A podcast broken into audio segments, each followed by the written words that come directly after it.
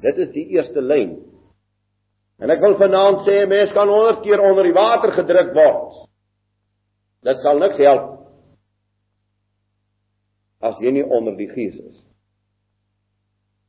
As Yeshua jou nie doop kan honderde predikante jou maar doop, dit sal nie help. Daarom sal alleen 'n mens wat ernstig voor Jawe staan, hy sal gedring word deur die Heilige Gees. Want hy sal gehoorsaam word aan die Heilige Gees. En ek wil dit sê, ek weet nie hoeveel oor die land dit gaan hoor nie. Ek wil vanaand sê as daar gelowige mense is wat vir my sê hulle is gelowig en hulle vrees God, dan moet u werk maak soos ons baie kere dink van hierdie eenvoudige saak om met water gedoop te word, want in hierdie teken lê geweldige waarde en geweldige krag. Ons sal daarby kom. Die tweede lyn van Yeshua is dat hy in Matteus 28 vers 19 opdrag gee en sê gaan die wêreld in verkondig die evangelie aan al die nasies. Ons weet nou al die nasies, Handelinge 15 vers 17, al die nasies oor wie my naam uitgeroep is, dit wil sê dit is die Israel nasies, gaan en verkondig aan hulle hierdie evangelie. En doop hulle in my naam en leer hulle om alles te onthou. Die bekeringsdoop van Johannes is 'n vooruitlyn. Die bekeringsdoop wat Yeshua instel na die vervulling van sy werk op aarde, nadat hy voltooi het sy verlossingswerk, is nog altyd 'n bekeringsdoop. Dit gaan voor. 'n Volk wat moes terugkeer na God Jahwe toe. En nou lees ons Handelinge 2 vers 37 En verder en toe hulle dit hoor, is hulle diep in die hart getref en sê vir Petrus en die ander apostels, "Wat moet ons doen, broeders?" En Petrus sê vir hulle, "Bekeer julle en laat elkeen van julle gedoop word in die naam van Yeshua die Messia tot vergifnis van sondes, en julle sal die gawe van die Heilige Gees ontvang." Nou goed. Daar in Jerusalem op Pinksterdag staan daar 'n volk sonder die Heilige Gees. 'n Verbanne volk. 'n Volk sonder God.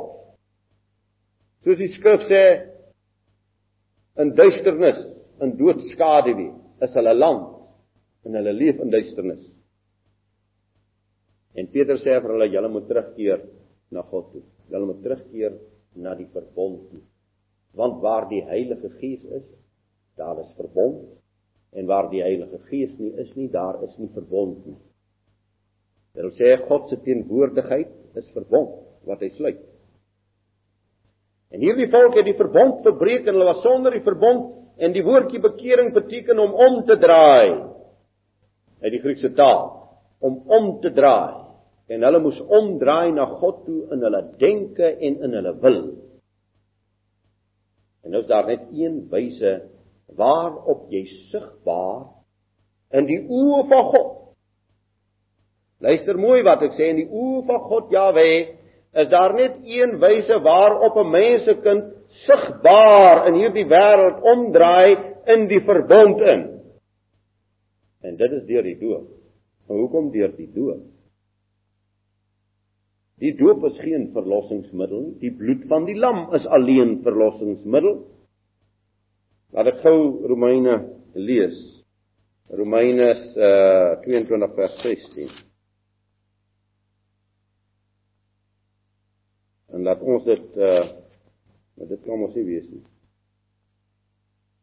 Dit is 16 vers 22. Ek moet nou nie sê ek het nou nie die die teksvers verkeerd opgeteken. In elk geval dit is dis dis daardie teks wat lê dat la, laat jou doop om gered te word. Nou ek wil vir u sê, soos hy daar staan, laat jou doop om gered te word. Moet ons die werklike betekenis daarvan verstaan en dit staan in Handelinge. Dis nie die doop wat jou red nie, dit is die bloed van die lam wat jou red, maar wat beteken die doop? Laat jou gedoop word.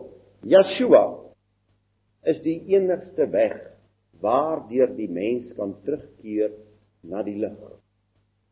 Hierdie verbanne volk, hierdie verbondlose volk, hierdie geeslose volk kon alleen weer by God uitkom deur Yeshua die Messia.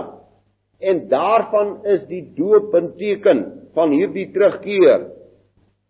Want Paulus sê mos nou pragtig vir ons in Romeine 6 vers 3. Dit kan ek dit sal ek nou nie verkeerd neergeskryf het. Romeine 6 vers 3. Daar staan dit mos nou pragtig. Of weet julle nie, die derde vers, dat ons almal wat in die Messia Yeshua gedoop is, in sy dood gedoop is. Ons is in sy dood gedoop. Nou moet u mooi sien wat beteken die waterteken. Dit beteken dat so seker soos ek onder hierdie water ingetrek word, sterwe ek aan myself. Soos Yeshua aan die vloekhout gesterf het vir my. Ek word dus saam met hom begrawe as dit kan stel. Ek sterwe saam met hom deur hierdie teken van die doop. Ek simboliseer deur my eie handeling met hierdie brein van my en met hierdie hart van my volle wete, volle gevoel demonstreer ek aan myself dat ek saam met Yeshua sterf en dat ek saam met hom opstaan. En daarom sê Petrus so pragtig as jy hierdie weg wandel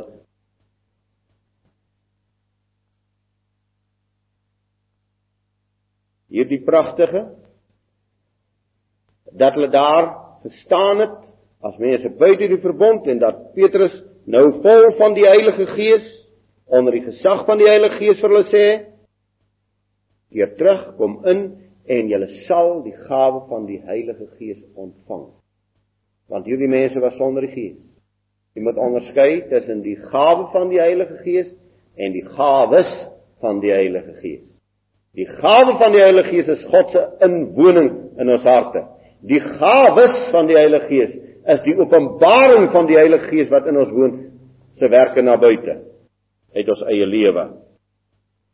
So hier gebeur 'n geweldige aangrypende iets. Die oomblik wanneer iemand oortuig word dat hy gedoop moes word, dat hy hom saam met Yeshua sien aan die vloekhout en saam met Yeshua sien in die opstanding dan is hy geskik dat die Heilige Gees by hom sal woon. Dan erken hy die verlossing alleen deur die sterwe en die opstanding van Yeshua op geen ander wyse. En dan het die Gees weer by hulle kom woon. Nou, ons sal ons sê nou maar ons hoef mos nie meer gedoop te word. Ons het mos reeds die Heilige Gees in ons harte.